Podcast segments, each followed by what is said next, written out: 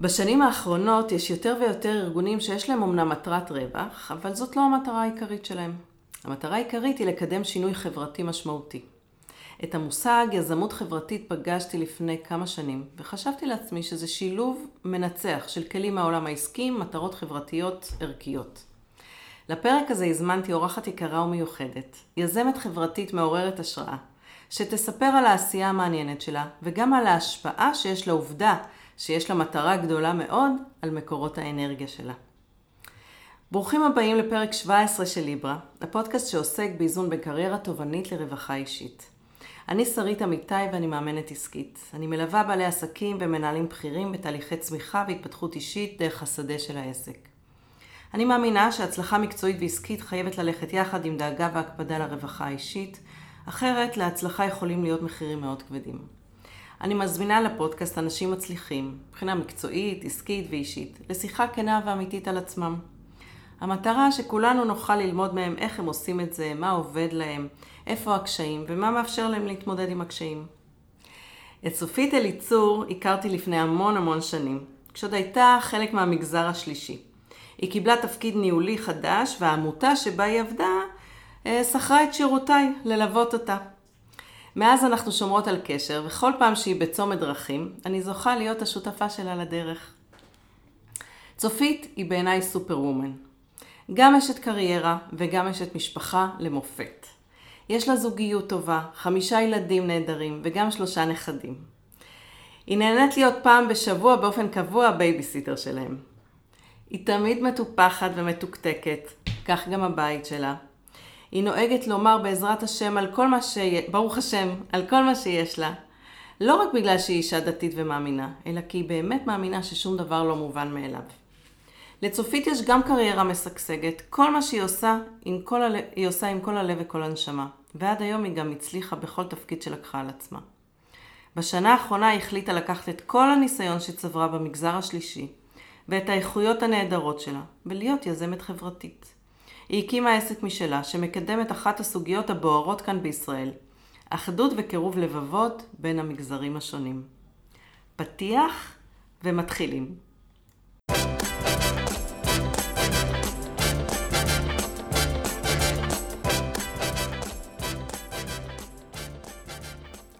שלום צופית. שלום שרית, איזה כיף להיות פה שוב. איזה כיף שאת פה, הפעם ככה בכובע אחר. ואני רוצה לקפוץ איתך ישר לשורה התחתונה. איך, איך את עושה את זה? איך הכל יכול להיות בכאלה סטנדרטים גבוהים ותמיד uh, מתוקתק וכמו שצריך? טוב, אז קודם כל אני לא בטוחה שכל התיאורים שתיארת אותי בהם הם כאלה נכונים באמת. איפה לא דייקתי? אני... איפה? לא, אני לא מרגישה כזאת סופר מאומן. את יודעת, אני מרגישה שיש לי עוד לאן לשאוף. אז אה, זה הדבר הראשון, אבל לדעתי, אה, מה שבאמת אה, מצליח לי, או, או עוזר לי להצליח, זה בעצם כשאני, תמיד כשאני בשלבים הראשוניים של הזריעה ושל הנטיעה, אני תמיד חולמת את, את החוויה שיש לי בקטיפת הפירות. ואני יכולה, אני יכולה לתת איזה דוגמה נגיד מהחיים שלי, אה, כשהייתי ממש צעירה, אה, בגיל תיכון, אה, המדריך שלנו נהרג במלחמת שלום הגליל, והחלטנו שאנחנו מקימים סניף בשכונת פיתוח כזאת בירושלים, על שמו. ובעצם הקמנו סניף של תנועת הנוער, ואני הייתי מבין הכי ככה... אה, מאמינים בסניף הזה, ועשינו הכל בשביל שהסניף הזה יקום, יהיה קיים להרבה שנים ואפילו ימשיך גם הלאה. ואני חייבת להגיד כבר עכשיו שעד היום הסניף הזה חי וקיים. וואו. אה, אז הסניף הזה, בעצם הקמנו אותו ממשפחות של ילדים ממשפחות אה, בשכונה די מצוקתית בירושלים. ופשוט אספנו את הילדים מהבתים, כל שבת שהיינו מגיעים, היינו אוספים את הילדים מהבתים ומביאים אותם לסניף, ובסניף מעבירים להם פעולות ערכיות וכל מיני, אה, היינו שייכים גם לתנועת נוער גדולה. ו... וככה במהלך השנים שליוויתי את הסניף הייתי שם גם מדריכה מההקמה, וגם קומונרית, זאת אומרת נשארתי לרכז את הסניף הזה גם בשנת השירות שלי, נשארתי בירושלים בשביל הסניף הזה, וגם אחר כך המשכתי ללוות את הסניף הזה מתוך ההנהלה, ההנהלה הארצית של אותה תנועת נוער. אז uh, במהלך השנים, uh, קודם כל נלחמתי עם עיריית ירושלים על שייתנו לנו מקום, ובאמת נתנו לנו בשכונת תלפיות uh, מקלט לטובת uh, הסניף, שעד היום זה הסניף, המקלט הזה שהפכתי שולחנות בעיריית ירושלים בשביל שהוא יהיה. ו... אבל מה שאני רוצה להגיד על, על החוויה של קטיפת הפירות, אחד מהחניכים בסניף היה בן דוד שלי. הוא גר שם באזור, אז הוא כבר הצטרף לסניף. וכל החברים שלו בעצם היו החברים האלה שלקחנו אותם מהמשפחות בשבתות והבאנו אותם לסניף. כשהם הגיעו לכיתה ו', לסוף כיתה ו', היה לי נורא חשוב שהחבר'ה האלה, ליווינו אותם מכיתה ג', והיה לנו נורא חשוב שהם ילכו ללמוד באיזושהי ישיבה תיכונית טובה, כדי שהם יהיו, יהיה להם עתיד מבטיח. והלכתי לישיבת חורב, ראש הישיבה זה היה הרב אלון, ופשוט ישבתי אצלו וביקשתי ממנו שיקבל את החניכים שלי לישיבה ויקבל אותם, אה, את כולם ביחד. זאת אומרת שלא יגיד חלק כן וחלק לא, אלא שכל הקבוצה תוכל להיכנס ולהיות שם. והוא באמת קיבל אותם. ולימים, הרבה ימים, אה, הבן דוד שלי הזה, שהיה חלק מהקבוצה הזאת, הוא התחתן. והוזמנתי לחתונה שלו. ובחתונה שלו פגשתי את כל החניכים. כבר כולם נשואים, כולם היו עם אה, נשים, אני זוכרת נשים צעירות כאלה עם כיסוי ראש וזה, וסיפרו אה, לי במה הם עוסקים. חלקם מלמדים בישיבת חורב, וואו. חלקם מחנכים בישיבת חורב. ואז אני זוכרת שהלכתי לאבא שלי, שהיה מאוד סקפטי בשנים שהייתי מדריכה בסניף, ואמר לי, מה את כל היום, בחורף, בשלג, בקיץ, את הולכת מבית הכרם, גרנו בבית הכרם, מבית הכרם עד שכונת תלפיות. והיה צוחק עליי שאני משקיעה את כל כולי בסניף ובבריסטולים וזה, לעומת הלימודים, הייתי אז בכיתה י"א, י"ב, הייתי צריכה ללמוד לבגרויות. אז אמרתי לו, וממש בחתונה הזאת כל כך התרגשתי, זה מה שאני אומרת לך, החוויה של קטיפת הפירות, כל כך התרגשתי מלפגוש את החבר'ה האלה ולראות לאן הם הגיעו בחיים שלהם, כשאני עוד זוכרת את המשפחות שמהם אספנו אותם. אז אה, אבא שלי שואל אותי בחתונה, למה את בוכה? כאילו זה לא היה סביר שבחתונה אני בוכה. אז אמרתי לו, אבא, אני בוכה, כי אתה זוכר את הבריסטולים האלה, שהיית מספר לי, צוחק עליהם, שבהם אני משקיעה?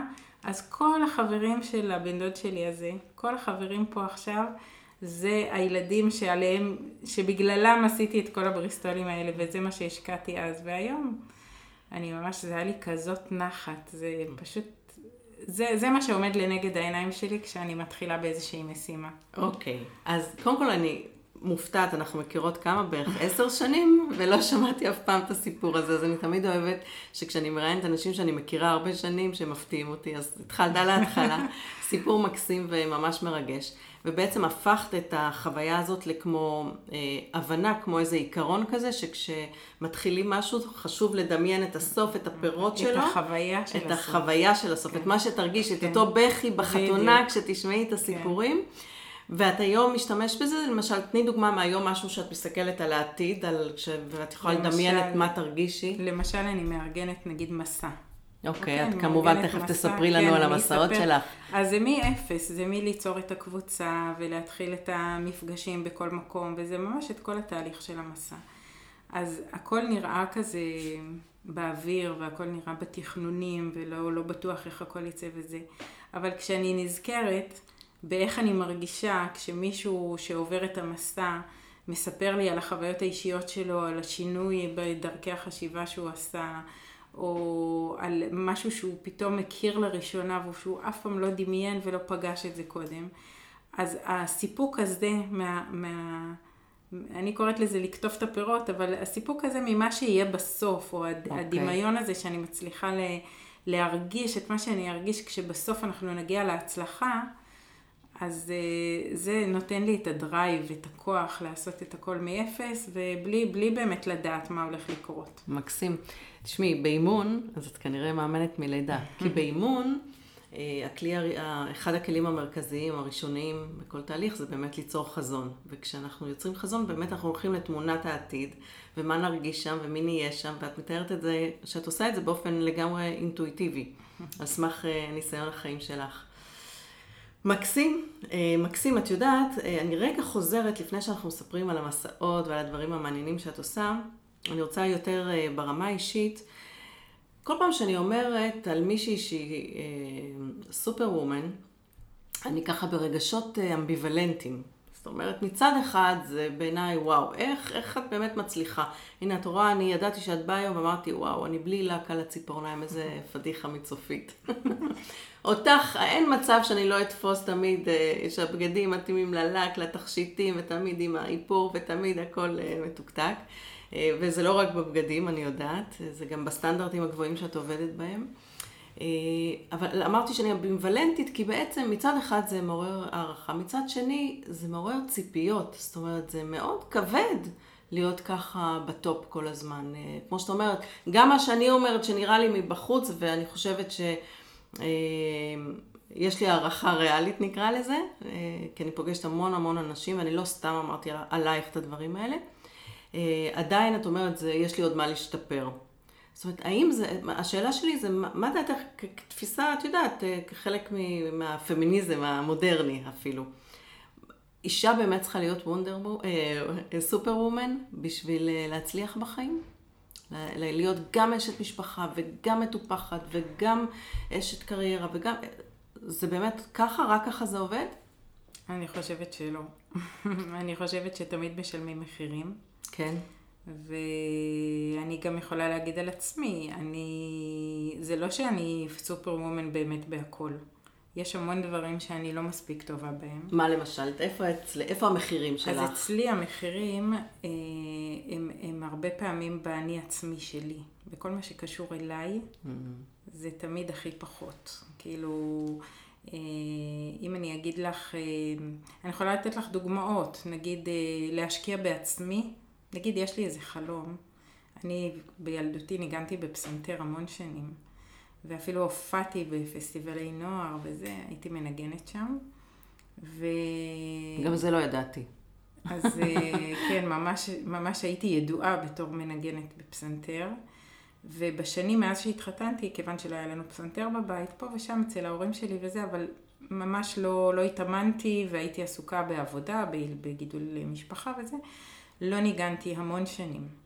והיום, אה, דרך אגב, לפני שנה קנינו פסנתר לבית. זה היה בשביל הילדים, לא. בשבילי, אבל, אה, אבל יש פסנתר... אפרופו, אחרונה כן, ברשימה, זה היה בשביל הילדים, כן, כן. אבל יש פסנתר בבית, אז אני אומרת, וואי, הדבר שהכי בא לי באמת לעשות עכשיו, זה, זה לחזור לנגינה. וזה דבר שאני לא מצליחה להביא את עצמי אליו. אה. לא לשבת אפילו, לא מורה וזה.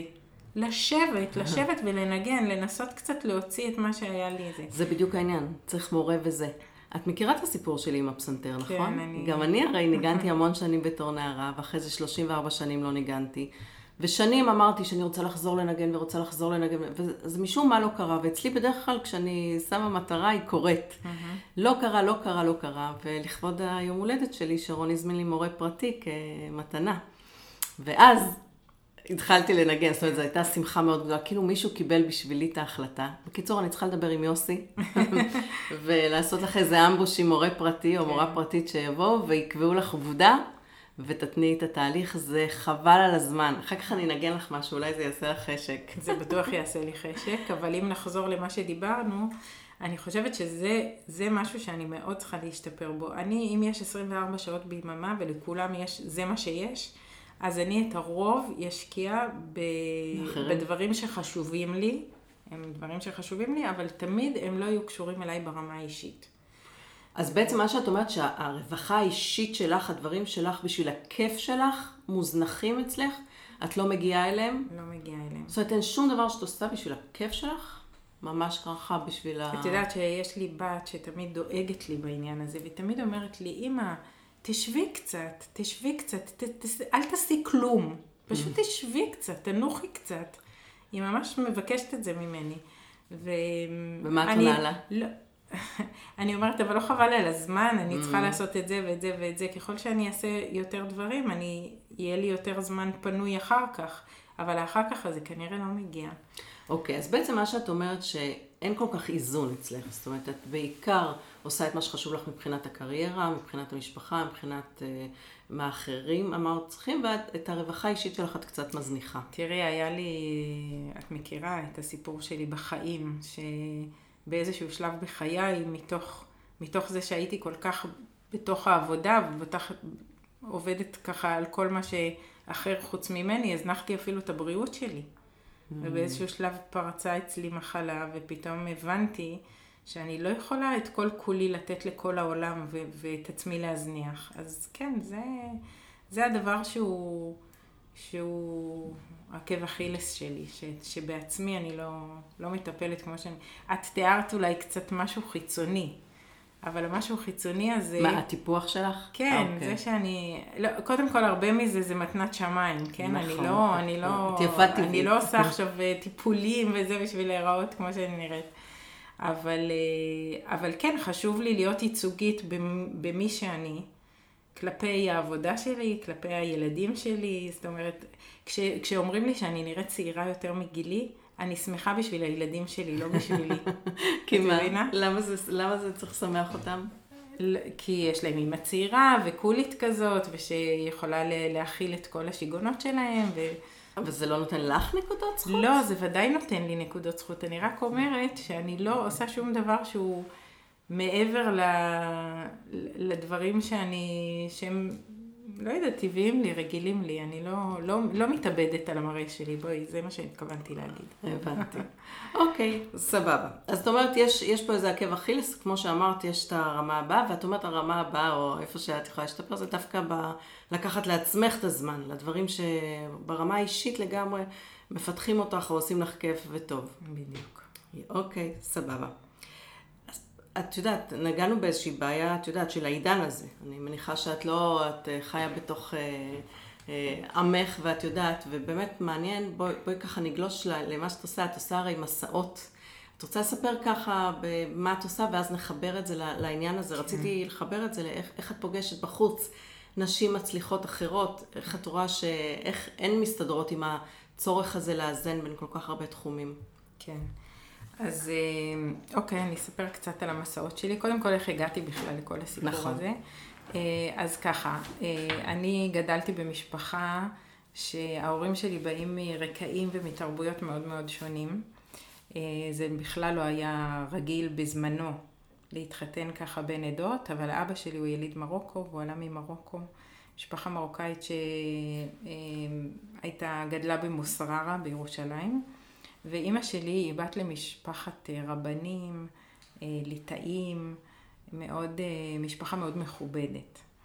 והם נפגשו, והייתה שם אהבה מאוד גדולה, אבל הנישואים האלה לא היו פשוטים, כי המשפחות היו מאוד מאוד שונות, והמנטליות הייתה ממש...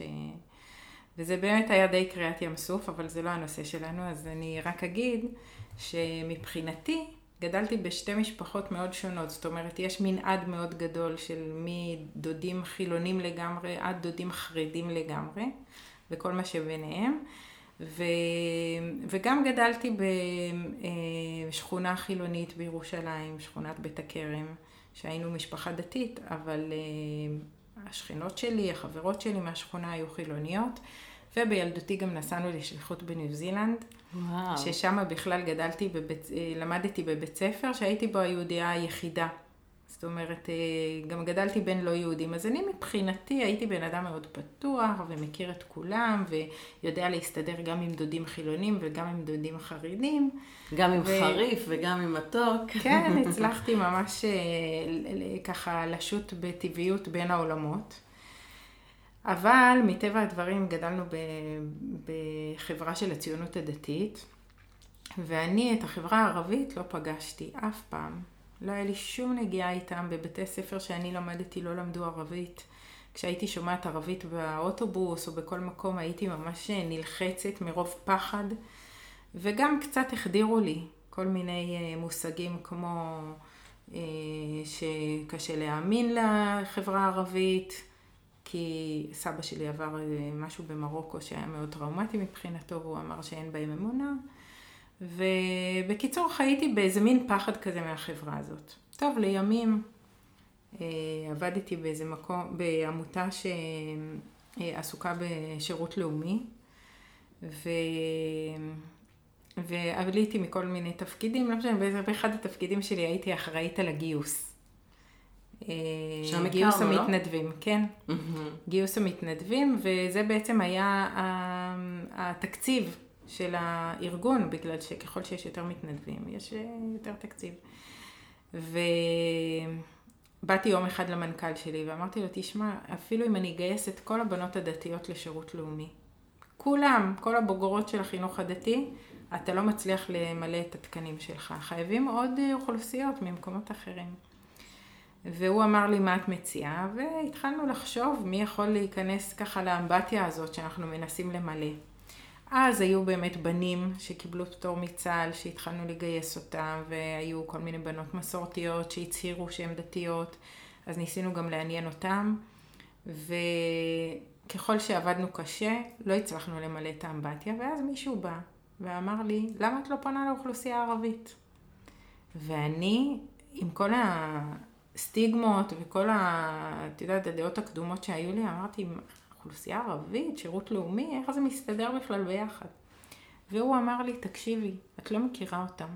אני אקח אותך אליהם, ובואי נראה אם אפשר לפתח משהו. ולקח אותי אה, בוקר אחד, אני ממש זוכרת את היום הזה, כי היום הזה היה יום משנה חיים מבחינתי. בבוקר אמרתי ליוסי שאני מקווה, בצחוק כמובן, אבל אמרתי לו את המשפט הזה, שאני מקווה שאני חוזרת היום הביתה. יואו. נסעתי לכסייפה, יישוב בדרום, והגענו לבית ספר של חינוך מיוחד, שהמנהל שם קיבל אותנו, מה זה קבלת פנים של מלכים. עד היום אני חברה של המנהל הזה. הוא כבר לא מנהל בית ספר, הוא כבר התקדם לכל מיני תפקידים, אבל אנחנו חברים עד היום. והגענו לשם פעם ראשונה בחיים שלי שנכנסתי לכפר ערבי, למקום של, של ערבים, אין שם יהודים, רק ערבים, ולבית ספר שבסך הכל מתנהל כמו בית ספר שלנו, אבל יש שם מורות עם חיג'אב וכל מיני uh, כללים שאצלנו הם קצת שונים וזה, אבל הרגשתי שהקבלת פנים והרצון לשיתוף פעולה הזה, והרצון לזה שהבנות שלהם, הבוגרות שלהם, יתנדבו אצלם בשירות לאומי, היה כל כך גדול. ובקיצור, פגשתי אה, משהו אחר לגמרי ממה שדמיינתי. אוקיי. Okay. באותו יום חזרתי הביתה, אני ממש זוכרת את זה, התיישבתי על הספה בסלון, ופשוט התחלתי לבכות. ויוסי שאל אותי, מה קרה? תשמעי, לא הייתי ילדה, הייתי כבר בת 30 ולא יודעת מה, 6, 7. אמרתי לו, יוסי, תקשיב, אני מרגישה כאילו רימו אותי. Mm-hmm. כאילו מכרו לי איזה משהו על חברה מסוימת, ואני הלכתי באמונה שלמה והאמנתי בכל מה שאמרו לי, ולא בדקתי את זה. Mm-hmm.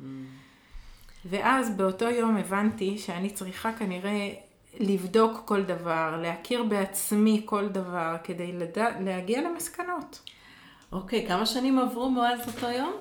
אה, עברו כמעט 20 שנה. וואו. אז במשך, אני רגע אקצר, במשך 20 שנה אני יודעת שעשית כל מיני תפקידי ניהול בכירים בכל מיני ארגונים, אבל בשנה האחרונה הקמת עסק משלך, ששם את עושה מסעות.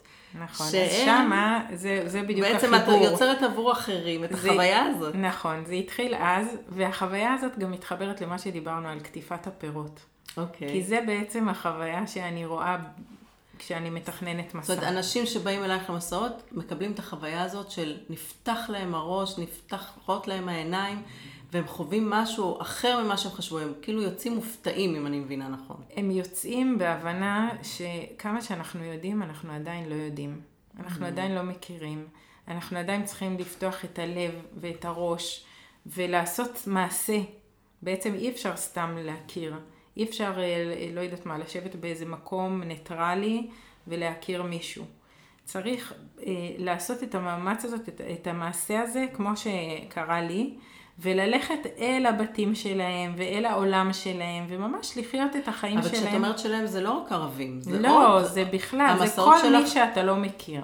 אוקיי. עכשיו, זה, אני יכולה להגיד לך שיש דברים מאוד מפתיעים בהיכרות הזאת. אנשי שמאל שבחיים לא חצו את הקו הירוק, ומגיעים פתאום להתנחלויות, ולכי תדעי מה הם תיארו לעצמם, שהת- איך התנהלו- התנחלות נראית. נכון. ופתאום הם רואים את האמת בעיניים, או מכירים את האנשים האלה, ושואלים אותם את כל השאלות הקשות שיש להם לשאול.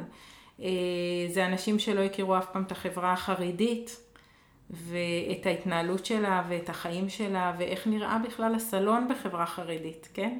הוא נראה שונה לגמרי ממה נכון. שהם מורגלים. אז כל חברה, וכמה שלא נכיר, עוד יש לנו מה לעשות. וזה בעצם מה שאני תמיד אומרת לילדים שלי. אל תחליטו שום דבר, גם לא לפי מה שאני אומרת לכם. תלמדו את העולם, תלמדו אותו בדרככם. תשאלו שאלות, תלכו, תבדקו, תבקרו. ממש תעשו את המאמץ הזה להכיר ולהגיע למסקנות מעצמכם. מקסים, את יודעת, 20 שנה דגרת כנראה על הרעיון הזה, שהבשיל לפני ככה שנה, ותיארתי בפתיח שאת בעצם יזמת חברתית, נכון? שבעצם המטרה היא מטרה חברתית, את רוצה להשפיע, תגידי את על הציבור, שמה, ש, שכולנו כן. נכיר אני את השונה. רוצה קודם כל שנצא קצת מהדעות קדומות. הקדומות שלנו ומהסטיגמות ומכל מה שהכילו אותנו במהלך השנים ו- ונפתח את הלב שלנו לאנשים שאנחנו פחות איתם בתקשורת. הרעיון הכללי הוא באמת ליצור, קודם כל לראות בכל אדם אדם. לא משנה, גם אם אני חולקת עליו בכל, ה... כמעט בכל דבר אפשרי. אני מאמינה אחרת, אני, הערכים שלי הם אחרים, התרבות שלי היא אחרת, אבל המחלוקת הזאת לא צריכה למנוע מאיתנו לכבד אחד את השני ולחיות אחד עם השני. אז זה המטרה המרכזית. איך עושים את זה? זה בעצם בדרך הזאת של, של להכיר מקרוב. כי רק כשאתה מכיר באמת את החיים שלו, אתה יכול לדבר אליו ממקום מכבד וממקום שאתה יכול...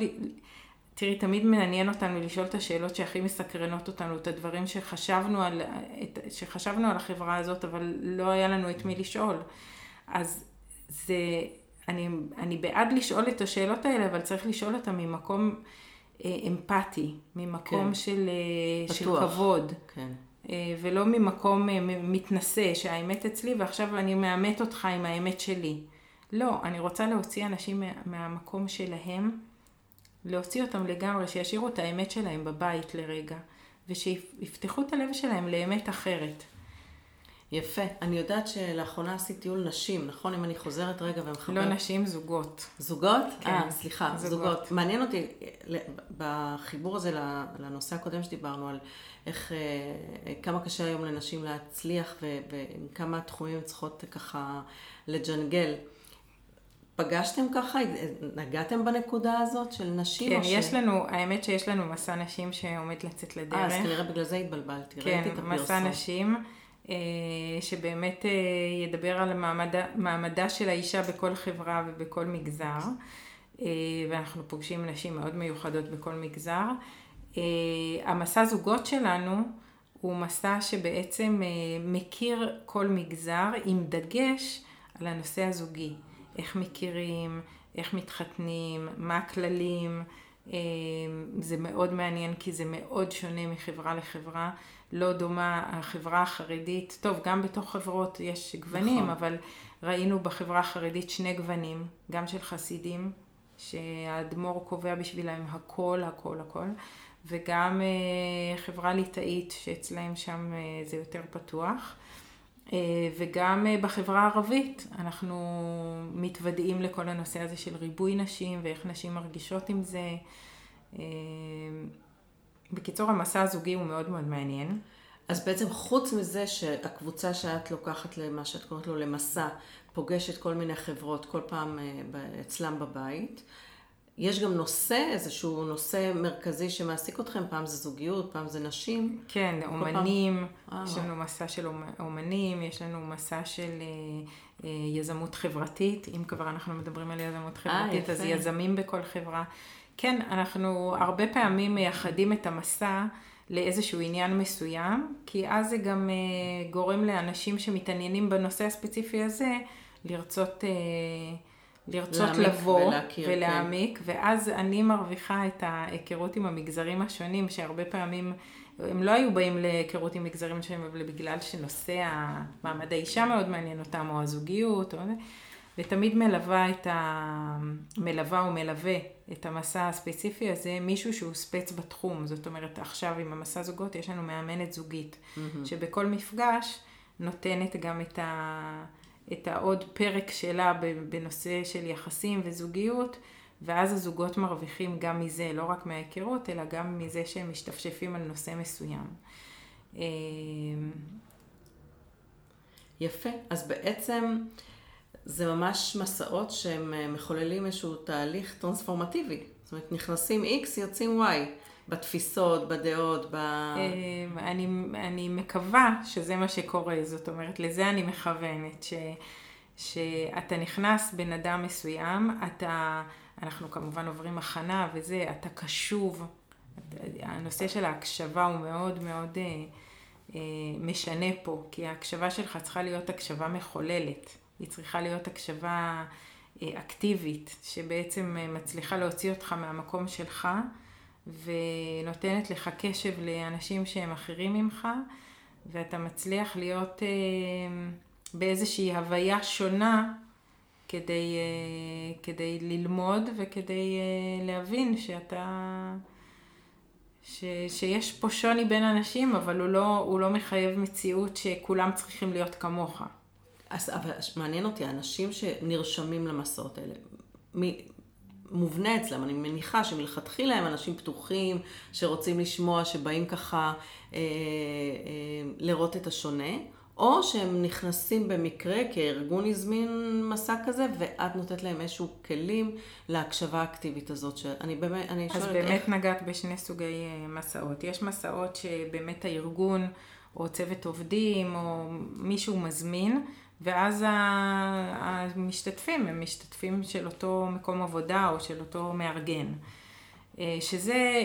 באמת תהליך שאתה עובר, אה, כי המקום עבודה שלך, או מי שארגן לך את המסע... ואז את נותנת איזשהם כלים של הקשבה? כן, בוודאי. אוקיי. יש איזו הכנה לקראת? תמיד יש את ההכנה. אה, אוקיי. תמיד יש את ההכנה, וזה לא רק הכנה, זה הנחיה לאורך כל המסע. Mm-hmm. הנחיה ואיזשהו סיכום גם בסוף של מה עברנו, איזה תהליך עברנו. וזה תהליך מאוד מיוחד, כי זה תהליך שהוא בשלושה רבדים, גם ברובד האישי של כל משתתף ומשתתף, גם ברובד הקבוצתי, שנוצרת פה איזה... איזו תקשורת קבוצתית מיוחדת, וגם בקשב שלנו לחברה הישראלית, שזה גם סוג של אה, משהו חדש שהם לומדים. זאת אומרת, התהליכים הם, אה, הם גם ברובד האישי, גם הקבוצתי וגם הכלל חברתי. אה, ויש גם מסעות שאנחנו מפרסמים אותם לציבור הרחב, ואז אנשים נרשמים באופן פרטי. ואני זאת שמייצרת את הקבוצה. זה לא קבוצה שבאה לי ככה קבוצת עובדים ממקום מסוים. Mm-hmm. ואז המסע הוא יותר מיוחד. למה? כי אני דואגת שהקבוצה תהיה מרובת זהויות. Mm-hmm. היא לא. תהיה אה, קבוצה... זאת אה, קבוצה ש... הטרוגנית כן, בעצמה, לא רק הולכים למקומות, אלא בתוך הקבוצה. בתוך יש... עצמה, וגם אה, התהליך פה הקבוצתי הוא, הוא מהמם, כי הוא, הוא בעצם מדבר כל הזמן, הוא משוחח עם המסע עצמו.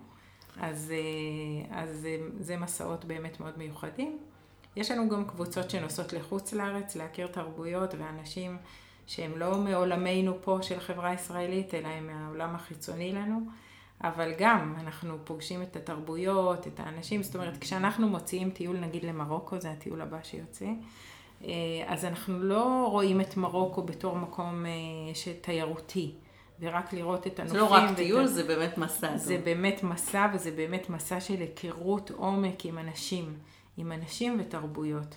ובשביל להכיר באמת לעומק, אנחנו נכנסים לתוך העולם שלהם, ממש חווים את העולם שלהם. מקסים. את מספרת קודם שאיך הגעת לזה, את אומרת, בתור ילדה גדלתי בתוך משפחה מורחבת שהיא רב תרבותית, עם מנעד מאוד רחב, ובשבילך זה כמו חוויה קיומית, להבדיל מה, מהעניין הערבי, שאת הציבור הערבי, החברה הערבית, היה, היה לך עליהם סטיגמה, שביום אחד אה, ככה במקרה היא נופצה. אבל חוץ מזה, ברמה היומיומית חווית מגוון של תרבויות ומשפחות ו- וחברות. ו- אבל מעניין אותי באיזה, ב, ב, בתוך הבית שלך נגיד, איך ניהלו את זה? איך אימא שלך, שאני מניחה את איזשהו מודל עבורך, ניהלה את הקשר עם המשפחה של אבא שלך? איך בחרו מה מבשלים? איזה, איזה קידוש עשו בבית? אה, איך, איך בתוך הבית זה היה עוד לפני שיצאת החוצה? זה באמת מאוד מעניין, כי המשפחה שלי היא ממש בחרה, בכל שלב היא בחרה. אה, בגדול גדול אפשר לומר שהם בחרו קצת את הצד של אימא שלי. זאת אומרת, אבא שלי השתכנז, השתכנז כזה. הוא גם למד בישיבות אשכנזיות אחר כך יותר מאוחר, אחרי שהוא למד בצעירותו בישיבות אה, אה, של העולם הספרדי. הוא למד אצל הרב עובדיה יוסף, אז שם הוא למד מילה ושחיטה, והוא בעצם, זה מה שהביא אותו לשליחות בניו זילנד, כי בניו זילנד זו קהילה כזאת קטנה. שבעצם מה הם חיפשו? הם חיפשו איזה קולבויניק כזה, שהוא ידע לעשות הכל. אז אבא שלי היה גם מוהל, גם שוחט, גם בני עקיבא, גם מורה, כל מה שהיה צריך חזן.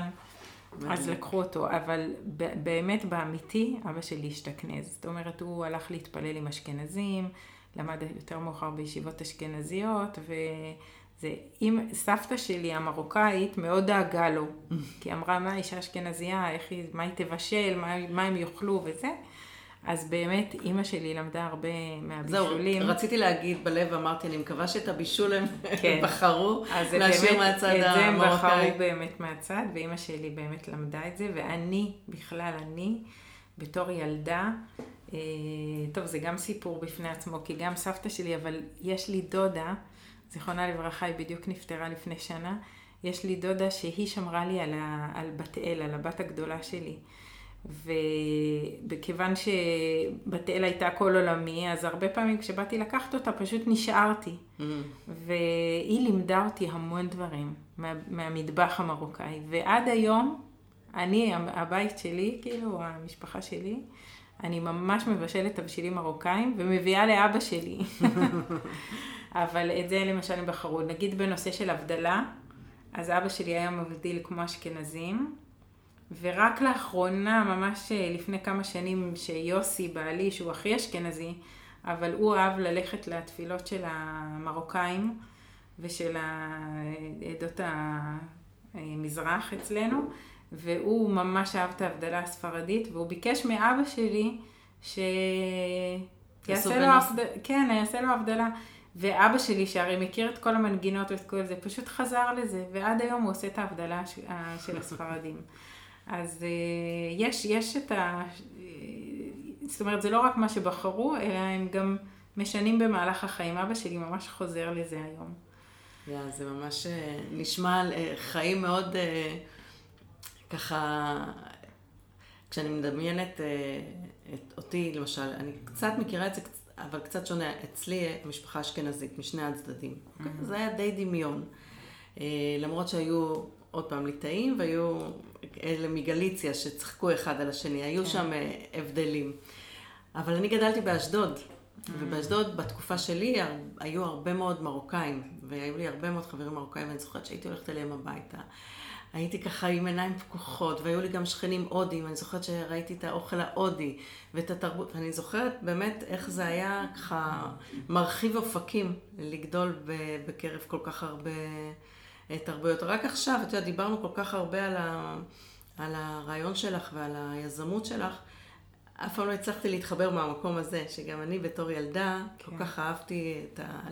ללכת למשפחות אחרות, כמו איזה אנתרופולוגית כזאת. אגב, לגלות. החוויה הזאת של האוכל, או של, ה... של ההוואי המשפחתי הזה, היא כל כך חשובה, שגם היום אני לא מוותרת עליה, למרות שיש מלא קשיים. למשל, סתם אני אתן לך דוגמה, המסע זוגות, שבוע הבא יוצא להכיר את החברה הבדואית. עכשיו, החברה הבדואית היא נורא מעניינת מבחינת הריבוי נשים.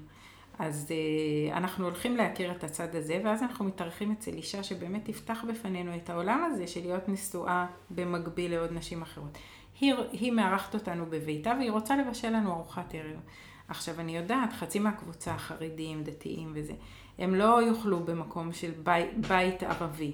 נכון, מה, איך פותרים את זה? אני, תשמעי, זה חלק מהסיפור, לפתור את כל הבעיות ולא לוותר, לא לוותר על החוויה הזאת של האוכל האותנטי ושל ההרגשה הזאת שאתה בבית ו- וחמים ונעים ואתה יכול, אתה לא מוותר על שום, שום ערך שלך. אז ואתה, איך פתרת? אז איך אני עושה את זה? תשמעי, שאלתי אותה, ממש בפתיחות, אמרתי לה שחלק מהסיפור זה שאני מביאה אנשים ששונים וזה, ויש לי בקבוצה חרדים, ושנורא חשוב שהאוכל יהיה כשר כדי שהם יוכלו לאכול.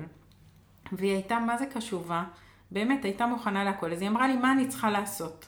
אז אמרתי לה, אם אני אגיד לך מה את צריכה לעשות, את מוכנה לעשות את זה? אז היא אמרה לי, בטח, בטח, אני רוצה לארח אותם עם כל הלב. בקיצור, דיברתי עם איזה בחור שהוא משגיח כשרות. ושאלתי אותו אם הוא מוכן באותו יום ללוות אותי ולהכשיר את ה... לבשל יחד איתה, mm. לפי הכללים של הכשרות. והוא אמר לי שבשמחה. הוא מגיע אליה הביתה, היא כבר קנתה סירים חדשים וכל וואו. מיני כלים, למרות שאפשר גם להכשיר. ו... והוא קונה איתה את המצרכים, והם מבשלים יחד בשבוע הבא, כדי שבערב, כשמגיעה הקבוצה, האוכל יהיה כשר. אה. אבל הכל מהבית שלה, מהמטבח שלה ומה... וואי, איזה פתרון מדליק. מקסים, מקסים. אני בטוחה שתהיה להם חוויה מדהימה, כי אני בטוחה שגם הם היו רוצים להכיר אוכל אחר, אבל את יודעת, אסור להם כן. מבחינה הלכתית. תגידי, אם עוד פעם, אני ככה מזבזבת בין המקום המקצועי שלך למקום האישי. אה, כמו שתיארתי בהתחלה, באמת הרבה שנים היית, נקרא לזה מספר שתיים. עבדת בתפקידים בכירים בארגונים, אבל מספר שתיים. ועכשיו את מובילה. איך, איך, איך ההבדל? איך את מרגישה עם השינוי הזה שעשית? אז אני אגיד לך את האמת. המקום מספר שתיים היה לי מקום אה, מאוד אה, אידיאלי. כאילו, גם עבדתי קשה, גם היה לי את המעמד שלי ואת המקום שלי בתור סמך, כן, סגן. ו... אבל תמיד אה, היה לי נוח שיש מישהו שהוא הקובע, הוא המחליט, הוא הזה. וגם לא דיברנו על הסיפור הזה של ה... לענות על הציפיות ממני. תמיד היה לי איזה דגם של מה הציפיות, כאילו מישהו מעליי שהוא אומר מה הציפיות ממני, ואני כל הזמן מתאימה את עצמי לציפיות. אה, שדרך אגב, זה לא רק בעבודה, כן? ציפיות זה גם ההורים, הבן זוג, הילדים, אני תמיד אה, עונה על הציפיות. לא לטובתי אני אומרת את הסיפור הזה, אבל זה חלק ממני. אז, אה, אז תמיד כשהייתי מספר 2 היה לי נוח, יש איזושהי הגדרה ואני ככה עונה לציפייה. עכשיו בעצם אני מגדירה את הציפייה. כן. אז קודם כל, לפעמים זה קשה לי. לפעמים אני במקום קשה, אה, גם כי אני רוצ... מחפשת את השותף הזה או את המישהו הזה שיהיה איתי בהחלטה. אה, אבל בכללי, כללי אני יכולה להגיד שאני זה לא כל כך מפחיד כמו שחשבתי שזה יפחיד אותי, ולפעמים זה אפילו כיף. כי דברים נעשים בקצב שלי, בהחלטות שלי, במה שאני חושבת לנכון שהוא, שהוא באמת נכון לסיטואציה. ובסך הכל הכללי אני נותנת לזה ציון מאוד גבוה, אה, ואני מאוד מרוצה מזה שזה כך. לפעמים קשה לי עם המקום הזה, אבל אה, בכללי אני חושבת שה... שאני מרוצה שזה היה. אני לא בטוחה שאם זה היה קורה בשלב יותר מוקדם, הייתי מצליחה להיות שם, mm. אבל אחרי כל התהליך שעברתי בשנים האחרונות, אני מרגישה שממש אה, סללתי את הדרך לשם, ושטוב לי ונוח לי במקום הזה עכשיו. אוקיי. אז היום את בשלה. את לא יודעת אם בעבר היית יכולה להיות בשלה כמו היום, אבל את היום בשלה לקבל את כן. ההחלטות. ואיך אמרת, אה, לקבוע את הציפיות אה, שאת צריכה... לעמוד בהם. והרגעים שקשה זה כשצריך לקבל החלטות ככה משמעותיות, מתי ככה את מרגישה שאת צריכה אה, פרטנר להתייעץ איתו? הרגעים שקשה בהם זה רגעים שאת יודעת, קושי, יש לו, הוא יכול להביא לשני מצבים. הוא, הוא יכול להביא לשיתוק, לאיזשהו שיתוק שפתאום קשה, הכל מתחרבש וזה, וצריך למצוא פתרון. או שהוא מניע, קושי okay. אוקיי. שמניע. אני יותר בחלק המניע. זאת אומרת, כשיש בפניי קושי, זה רק מדרבן אותי יותר, כאילו למצוא פתרונות וזה, ואני לא מוותרת, אני כאילו על זה כל הזמן. אה, לפעמים אני צריכה את הבן אדם הזה שיגיד לי, אני סומך עלייך, לא נורא, קשה, את תצליחי, אני יודע שתצליחי וזה, שזה היה המקום של המנהל שהיה מעליי. אז כיום אין לי את זה. אז מה מחליף את זה? מה, מח... מה בכל זאת נותן לך את העידוד הזה, את, ה... את הכוח הזה להתמודד עם האתגר ולהאמין שתצלחי אותו? אמ, קודם כל האמונה בזה שאני אמצא... שאני, בעצמך. אני אמצא בעצמי את הפתרון, ואני גם באמת לא נחה מזה. אני חופרת ומוצאת אנשים מהעבר, וזה איכשהו אני מצליחה בסוף למצוא את הפתרון. אה, וגם יש לי, את ה... יש לי את האמונה הזאת, זאת אומרת, יש לי אמונה שבסוף הכל יהיה בסדר. זה, זה איזה מין אה, אה, לראות את הדברים בפרופורציה. זאת אומרת, אה, הקושי בדרך כלל מביא אותי לזה שאני אה, פותחת את העין הטובה שלי, בואי נאמר. כי פתאום אני מבינה שיש פה קושי, אבל עשיתי את זה, אני יכולה לתת לזה דוגמה. כשהייתי okay. אוקיי. חולה בסרטן, בעצם גילו לי סרטן, וסרטן מבחינתי הייתה מחלה של מוות, שבסופה יש מוות. כי גם אם עכשיו זה יעשו טיפולים וזה וניתוחים וזה, בסוף זה יחזור וזה וזה, והסוף זה מוות. על, ככה האמנת. ככה האמנתי. וזה סוג של קושי מאוד גדול. ומה שהצליח לעודד אותי להתמודד, זה בעצם היה לראות את החלקים הטובים שבה, זאת אומרת לראות את החצי כוס המלאה. מה למשל היה חצי כוס מלאה? למשל שזה אה, סרטן שמכל סוגי הסרטן הוא הסרטן הכי קל. Mm-hmm. למשל שהוא לא התפתח לגרורות ושיש בו, שאפשר להתפטר ממנו, mm-hmm. כי ברגע שהוא לא נגע במקומות אחרים אז זה סיכוי יותר גדול. אה, בזה שרוב מי שחי, שהיה לו את הסרטן הזה בעצם אחרי ניתוח וקצת טיפולים, כל, מה ש, כל אחד מה שהתאים לו, זה לא, חז, זה לא חזר לו. אז פשוט כשאתה רואה את התמונה כולה ואתה רואה את הטוב שבתוכה, כן, את החצי הכוס המלאה, אז אתה יכול להתמודד, החלק הריק מקבל פרופורציות. Mm. ככה זה אצלך לפחות. ככה זה ההתמודדות שלי עם הקושי. אז זהו, זה מה שרציתי ככה לסכם, שאת אומרת שכשניצב מולך איזשהו אתגר, שאת ככה עוד לא יודעת איך אה, את פותרת אותו, ואיך את מתמודדת איתו, את מגייסת לטובת העניין את האמונה שלך קודם כל. זאת אומרת, אני מכירה כבר מספיק מצבים בחיים, שהסתדרתי בסוף, אז אני כבר יכולה לסמוך על זה גם אם אני עוד לא יודעת איך. שאני אסתדר, נכון? זה כאילו השלב הראשון. כן. והשלב השני, את אומרת, אני מגייסת את העין הטובה שלי, מסתכלת על החצי כוס, ממש אוספת את הנקודות החיוביות, וזה עוזר לי לראות את התמונה המלאה. נכון? זה עוזר לי לראות את הקושי הזה באיזושהי פרופורציה mm-hmm. יותר נכונה למשהו. Mm-hmm. כי לפעמים הקושי נראה נורא נורא מאיים וגדול ומשהו בלתי ניתן לשליטה. וכשאני מגייסת את כל התמונה היותר רחבה, אני פתאום רואה אותו במקום יותר נכון לו, ואז כל המסביב נותן לי את הכוח. יפה. מקסים. אמ, אמרת קודם שה, שיש לך ככה, שמה שמניע אותך זה לראות את ה... להרגיש את מה שאנשים ירגישו בסוף המסע. כמו להיכנס לנעליים שלהם, לראות את, ה, את החוויה הזאת שאת מכירה אותה מכל כך הרבה שנים, ולאפשר לעוד ועוד אנשים לתרום.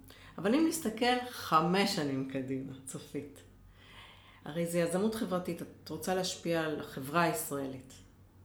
תני לי ככה, מה, למה את יכולה לקרוא פירות חמש שנים קדימה? אה, נראה לי ש... שאם יש משהו שאני רוצה לראות עוד חמש שנים קדימה, אפילו גם בלי קשר למה שאני עושה, אבל ברור שמה שאני עושה זה, זה לקדם את זה, זה בעצם לראות את, ה, את חיי החברה שלנו פה יותר אה, בשיתוף, יותר משותפים.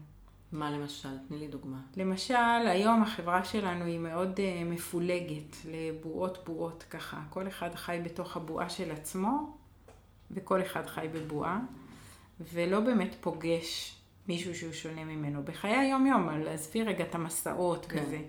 אז uh, נגיד אני איפה שאני חיה, אני חיה בתוך שכונה שכולם פחות או יותר מאותו, מאותו חברה, מאותו מגזר. וכולם שולחים את הילדים שלהם לאותו בית ספר mm-hmm. ולאותה תנועת נוער, והילדים שלהם בכלל לא פוגשים אנשים שונים מהם. ובקיצור, כל חברה היא, היא חיה ככה. מה שאני הייתי רוצה לראות, אני לא יודעת אם זה יקרה עוד חמש שנים, אבל את יודעת, החברה הישראלית מאוד קשה בדברים האלה, כי יש לה תמיד את הפוליטיקה אה, שמאוד, וגם את התקשורת קצת, שמאוד דואגת לפלגנות הזאת שתמשיך, זאת אומרת מחזקת. אבל אני אומרת שבכללי, כאילו מבחינה חברתית, אם היינו יכולים לייצר בתי ספר שהם מעורבים, שהם מכניסים לעצמם את כולם, תנועות נוער מעורבות, אה, זה כבר קורה קצת באוניברסיטאות,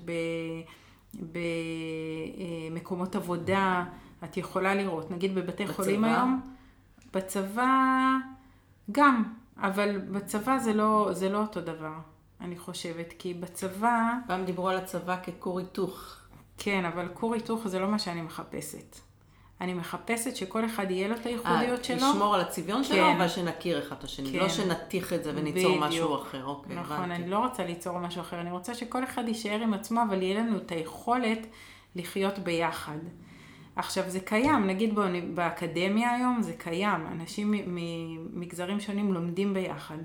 אבל הם לא באמת ביחד. זאת אומרת, הם לא מארחים אחד את השני, ולא באמת חיים את חיי החברה שלהם ביחד. הם רק בכיתה הם ביחד. אוקיי. Okay. אז אני הייתי רוצה עוד חמש שנים, או עוד, לא יודעת, אפילו יותר, לראות את החברה שלנו יותר משותפת, יותר משתפת, ויותר חיה ביחד. למרות שאף אחד, אני לא מצפה שאנשים יוותרו על ה... לא על הדעה הפול... האישית שלהם, ולא על האמונות שלהם, לא, לא לוותר על זה. אבל להיות מסוגלים לחיות עם מישהו שהדעות שלו והאמונות שלו שונות ב... לגמרי, זאת אומרת בכל הבחינות שונות ממנו. אני, יש לי היום חברים שהם באמת, גם הדעה הפוליטית שלנו היא בשתי קצוות מנוגדים, וגם האמונות שלנו, האמונות הדתיות שלנו שונות, ובכל אופן הם חברים טובים, טובים, טובים שלי. Mm-hmm.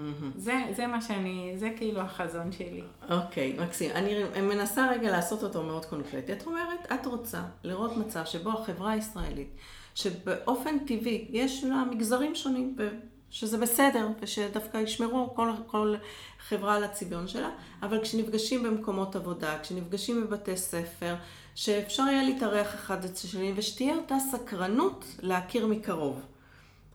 נכון? זה בעצם מה שאת כן, אומרת, שזה יהיה כמו חלק מהערכים שלנו, חלק ממה שאנחנו...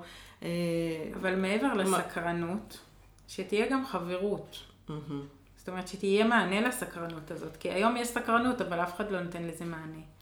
אני יכולה להגיד לך, בואי לא נגיד אף אחד, כי גם זה סטיגמטי. כן, לא, אני יכולה להגיד לא לך שאנחנו באופן אישי, ואת יודעת את זה, לי יש אה, מאמנת אה, שהיא מהמגזר נכון, הדתי, כן. ושהתארחנו אצלם, אני ובן זוגי, אה, בהתנחלות.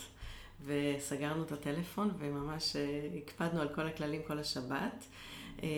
וכשהם מתארחים אצלנו אנחנו מכשירים את המטבח ואנחנו מתאימים את עצמנו למה שחשוב להם. והשיח הוא פשוט מרתק. זה באמת, אני, כמו, ש, כמו שאת עושה את זה במסעות וכממש כ, כ, כמפעל חיים כזה, אני אה, ככה מנצלת את הבמה הזאת להמליץ לכל אחד. יש בעבודה, או ב, אפילו בבניין שהוא גר, או בשכונה שהוא גר, באמת אנשים ממקומות אחרים. וזה נורא כיף להכיר. זה באמת פותח את העיניים, מרחיב את הלב.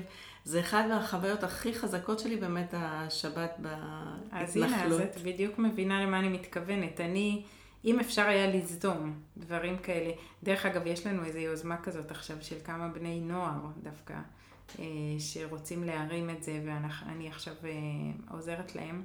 אה, אירוח, אירוח כללי כזה, לא, לא במסגרות מסוימות ולא כחלק מקבוצה, אלא פשוט בא, בא לך להיות שבת אצל חרדים, יש משפחה שמוכנה לארח. אה, באמת? בא לך להיות שבת אצל ערבים, יש מי שמוכן לארח אותך. וממש יוזמה כזאת של, אה, של באמת להתקרב אחד לשני.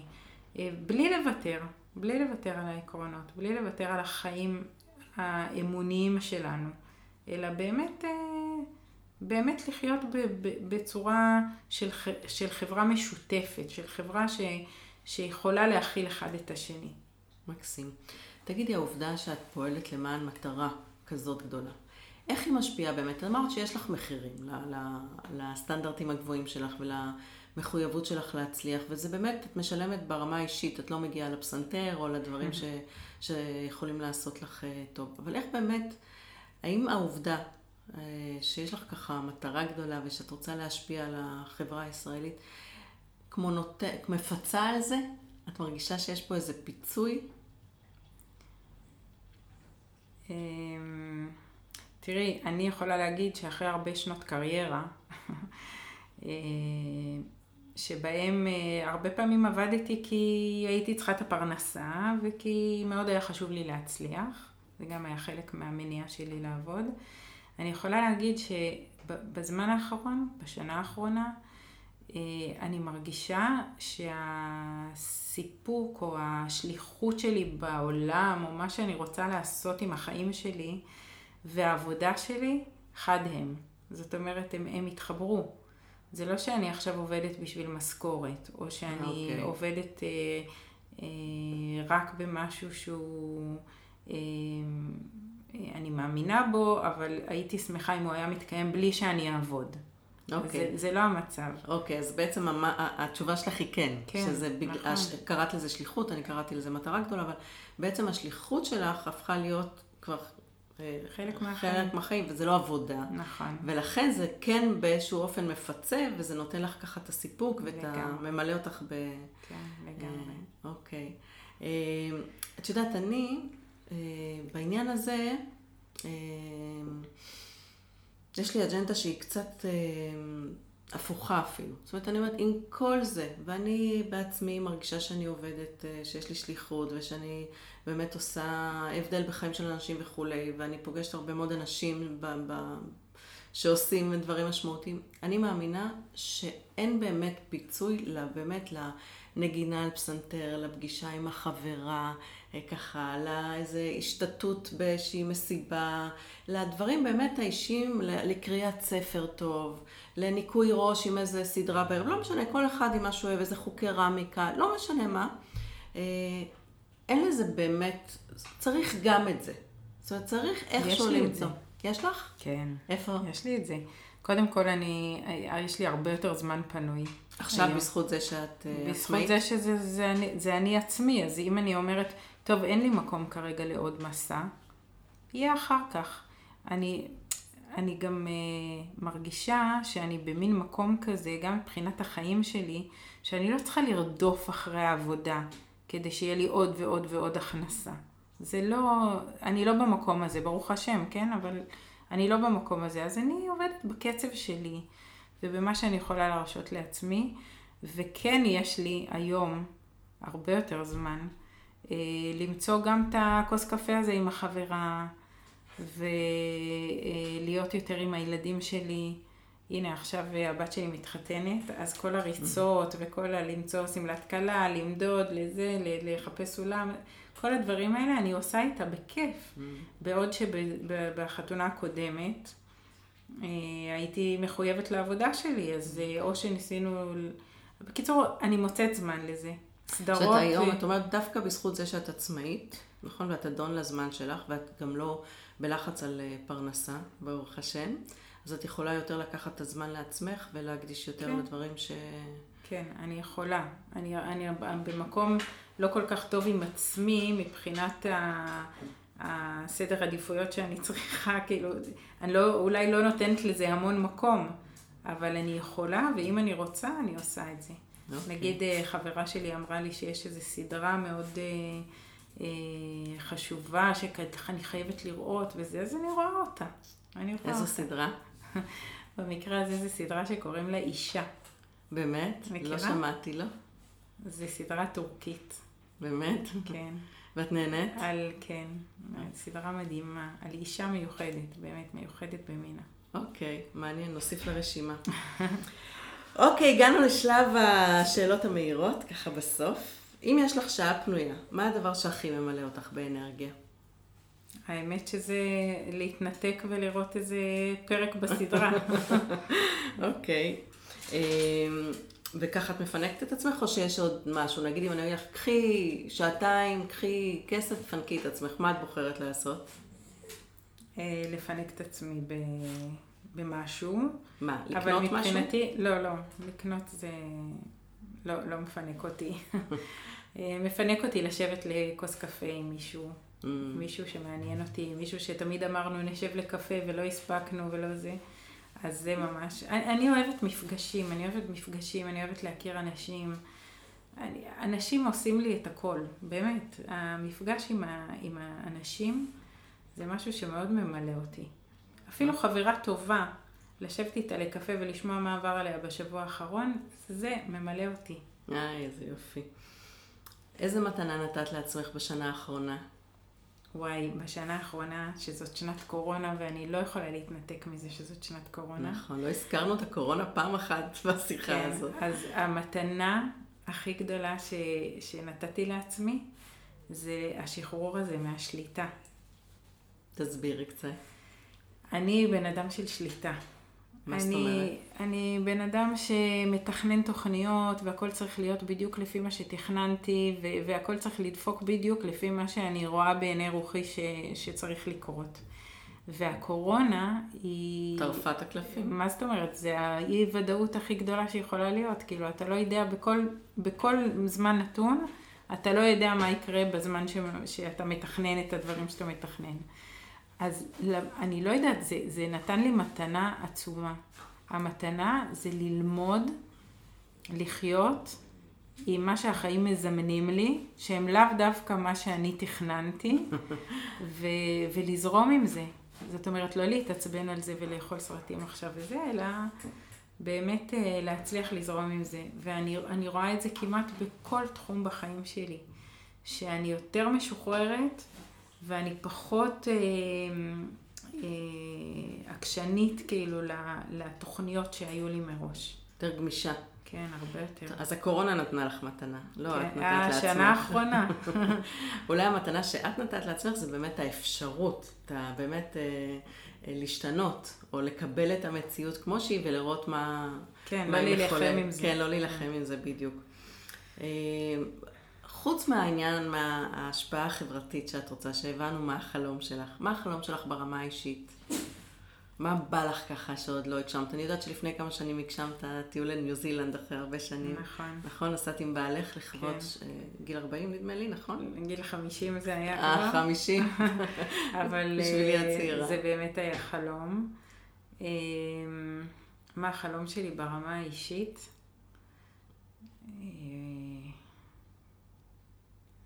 לא יודעת להגיד לך, אבל יש לי חלום מאוד גדול אה, שהמשפחה, כאילו המשפחה שלנו, אה, כבר הילדים שלי, לא האחים והאחיות שלי, אלא הילדים שלי, משפחה גרעינית שלך. שעכשיו אני רואה שכבר אה, מתחילה להיות, את יודעת, כל אחד, נספחים. כל אחד מקים את המשפחה שלו, אז החלום הכי גדול שלי זה שנהיה משפחה מלוכדת, משפחה שכולם חברים בה, זאת אומרת שיהיה אכפת אחד מהשני, ש, שאת החגים ואת הטיולים ואת כל מה שאנחנו עושים נעשה ביחד. אה, זה לאט לאט הופך להיות אה, מבצע, אבל... אה, טוב, בשביל זה את אלופה ב... בלהפיק אה, מסעות. כן, כן, זה סוג של מסע גם, אבל נכון. אה, יותר, זה דבר שאני מרגישה שכל החיים שלי עבדתי עליו, והחלום שלי זה לראות אותו מתגשם, שלילדים יהיה אכפת אחד מהשני, ושהם לא יוותרו על, ה, על הקרבה הזאת של אח ואחים. אה, למרות שכל אחד מתחתן וכל אחד זה ובונה לו את החיים האישיים שלו וזה, אבל נורא חשוב לי שהמשפחה תהיה באמת משפחה מלוכדת ושומרת על קשר ככה חם של, של אחים. יפה. צופית, אז לא נותר אלא לומר אמן, שיתגשם החלום שלך. נשמע שאת עובדת על זה ואת זורעת הזרעים היום, כדי שבעתיד ממש תחווי את אותה נסיעה, אותו טיול, אותה ארוחת חג אה, משפחתית עם שולחן כזה גדול. את יכולה לראות את זה כבר? לחוות את זה בגוף, כמו שפתחנו את השיחה. אז המון המון תודה ששיתפת אותנו ככה על מה שאת עושה ועל החיים האישיים שלך. אה, אני מאוד נהניתי, אני מקווה שגם את. נהניתי, כן, ודאי. ותודה לך על ההזדמנות. בכיף. ביי, להתראות. ביי.